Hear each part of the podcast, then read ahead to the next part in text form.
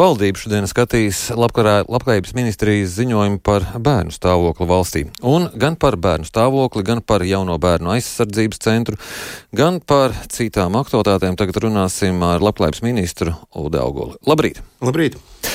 Kā noprotams no šīs dienas gaidāmā ziņojuma, tur parādās, ka aizdīto piecu gadu laikā situācija attiecībā uz noziedzīgos nodarījumos cietušiem bērniem nav būtiski uzlabojusies.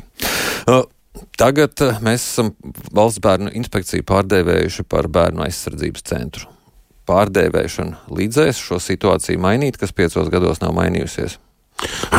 Jā, nu, Pirmkārt, jāsaka, ka bērnu aizsardzības centra izveidošana nav tikai nosaukuma maiņa.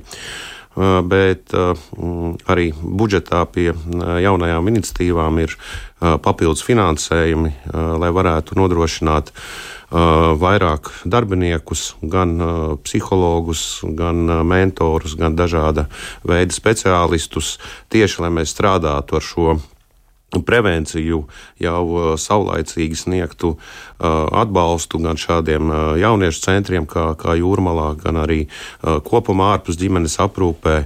Tāpat laikā uh, ir jāsacina tas, ka mums ir uh, jāceļ kvalifikācija, jāmāca arī uh, vāriņtiesas, jāmāca sociālie darbinieki. Un uh, tieši šis uzdevums tad arī bērnu aizsardzības centram uh, būs saulēcīgāk to, vei, to visu veikt. Protams, saglabājot arī uzraudzības funkcijas, kontrolas funkcijas, lai mm, tomēr mēs ietu šai bērnu audzināšanas atbalsta jomā ar jaunu, modernāku redzējumu. Viena lieta arī, kas tiks un, un kas jau šobrīd strādā, strādā arī šajā jūrmalas traģiskajā notikumā kur bērnu centra krīžu grupa izbrauca, strādāja gan ar bērniem, gan ar speciālistiem.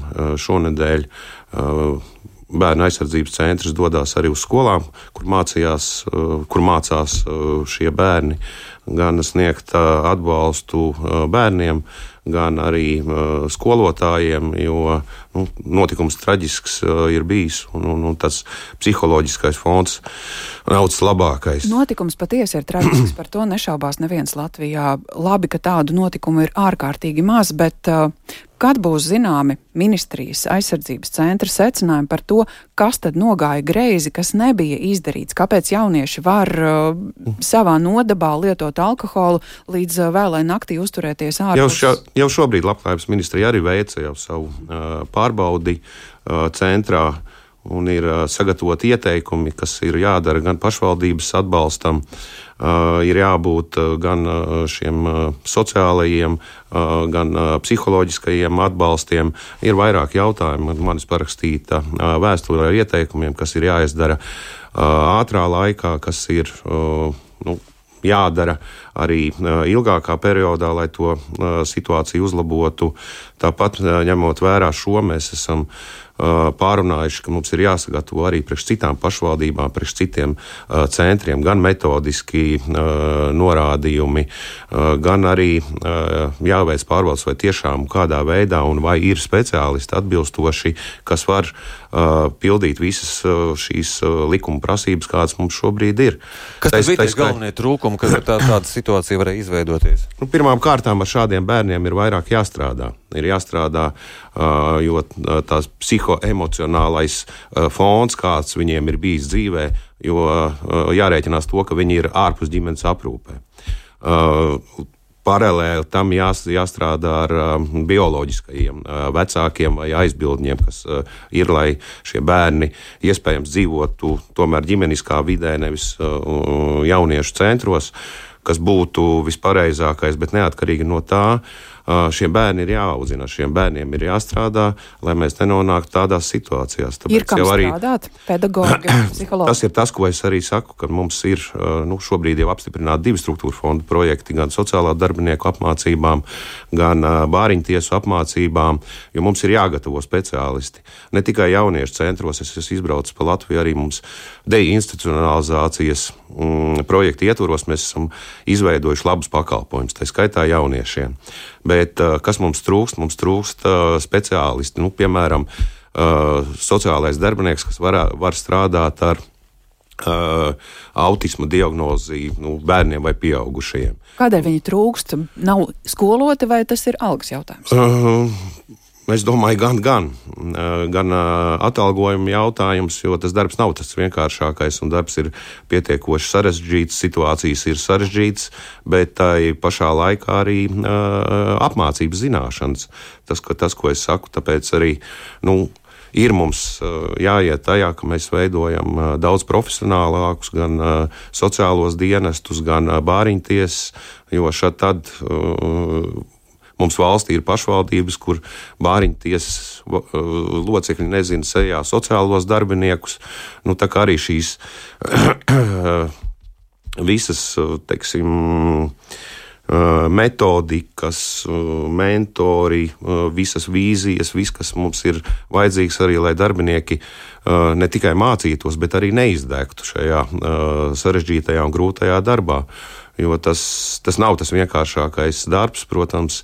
Jautājums par to, vai un kādā veidā es esmu pārunājis, arī mēs varētu atgriezties augstskolās pie budžeta vietām, tieši arī sociālā darba speciālistu sagatavošanai, jo savulaik tas bija kas, manuprāt, ir jāatjauno, lai cilvēki paši savu iniciatīvu var, var mācīties.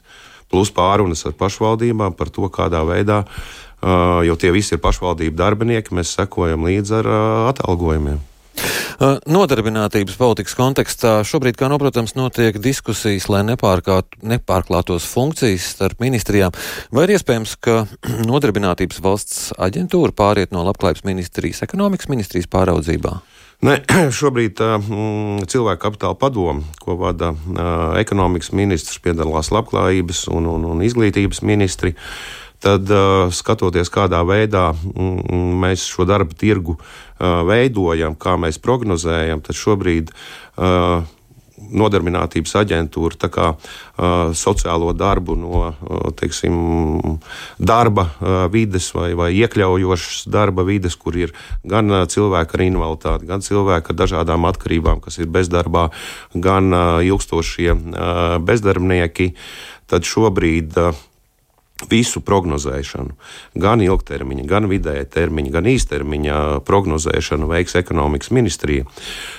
Plus tiks izveidota viena padome, kur ir visas puses pārstāvēta, kas tad arī sniegs to uzdevumu nodarbinātības valsts aģentūrai, kas un kādas programmas ir nepieciešamas, lai mēs varētu gan celt kvalifikācijas, gan iesaistīt darba tirgu tos cilvēkus, kas šobrīd ir ārpus darba tirgus. Tā izskaitā cilvēkus ar invaliditāti. Jo uh, nav jēgas iestādi pārlikt kaut kur tikai pārlikšanas pēc. Nu, ja iestāde uh, labi strādā un ir šie precīzie uzdevumi, kas ir jādara, kas ilgus gadus līdz galam nebija, jo īstermiņa prognozes veica Nodarbinātības valsts aģentūra. Zem katras ministrijas bija sava komisija, kur un kādas apmācības veikt. Nu, tad tas beidzot būs salikts vienoti, lai tās regulējums, apmācības nepieciešamības būtu pilnīgi skaidrs un bet, bet nemētātos starp ministrijām. Tas varētu būt temats uh, nodošana Jā. kaut kur. Es domāju, ka nē, nu, nav vajadzība. Drīzāk mēs varētu runāt, ka arī apmācības ir vienās rokās, nevis uh, teiksim, izglītības ministrijā un labklājības ministrijā vai VIA un nodarbinātības aģentūra. Tas droši vien būtu nākošais jautājums, kas būtu risināms. Vai, kādā veidā sadalīt to, ko un kurš apmāca, lai šīs funkcijas nedublētos. Un kā izdarīt tā, lai cilvēki, kas ir ilgstoši bez darba, atgrieztos darba tirgu, būtu ekonomiski aktīvi vai vienkārši norakstām viņus. Nu, tur kādas prognozes izstrādā, kādas mācību programmas piedāvā, šķiet ir neizkustināmie. Nu, droši vien, kad ir un būs tādi cilvēki, kas ir gatavi iet uz darbu, bet nav gatavi iet strādāt. Līdz ar to arī uh, veids dažne dažādas apmācības un nevar atrast to savu vietu darba dzīvē. Bet nu, piemēram, cilvēki ar invaliditāti. Kāpēc cilvēki ar uh, invaliditāti mums vēl joprojām, nu, ne tikai pie mums, arī kopumā Eiropā ir uh, salīdzinoši procentuāli zemu nodarbināti? Viens no tiem ir uh, nodokļu sistēma. Nu, cilvēks ar invaliditāti, viņš varētu strādāt, bet varētu strādāt nepilnu laiku bet uh, nodokļi jāsamaksā tev par pilnu minimālo uh, atalgojumu, kas ir mēnesī, kas uzņēmēju atstumj, lai ņemtu darbā cilvēku ar invaliditāti vai cilvēku, kas ir pensijas vecumā, kas vēl būtu gatavs nu jā, vai strādāt. arī ģimenes cilvēks, kam arī reizēm ir jāizvēlas nepilns darba laiks. Esat gatavs rosināt šo jautājumu ātri skatīt? Tā skaitā arī mēs ģimenē saskaramies ar to, ka ne tikai nodarbinātības aģentūra vai kas, bet arī, arī skola, ja viens no vecākiem nevar strādāt attālināti. Tieši tāpēc saprotu, ka jautājumu jūs varat bērns, iekustināt. Jā, tie jautājumi jau arī virzās pagājušajā nedēļā. Bija bērnu lietu padomu, ko premjeri bija sasaukusi kur iesaistītās puses gan par šiem traģiskajiem jautājumiem, gan par bērniem kopumā. Jo šie jautājumi, visi jautājumi jau ir diezgan horizontāli. Mēs nevaram, teiksim, viens tikai izdarīt to, kas faktiski ir katrā nozarē darāms. Līdz ar to arī šodien šis ziņojums, kas ministrs kabinetā ietur, ir iesaistīts pilnīgi visas nu, gandrīz visas ministrijas un nevalstiskās organizācijas, jo nu, tas bērns jau ir mums tas svarīgākais, kas mums ir jāveido, jo tā ir mūsu nākotne. Jā, mums jāsaka jums paldies par šo sarunu. Mūsu studijā bija labklājības ministrs Ulris Auguls.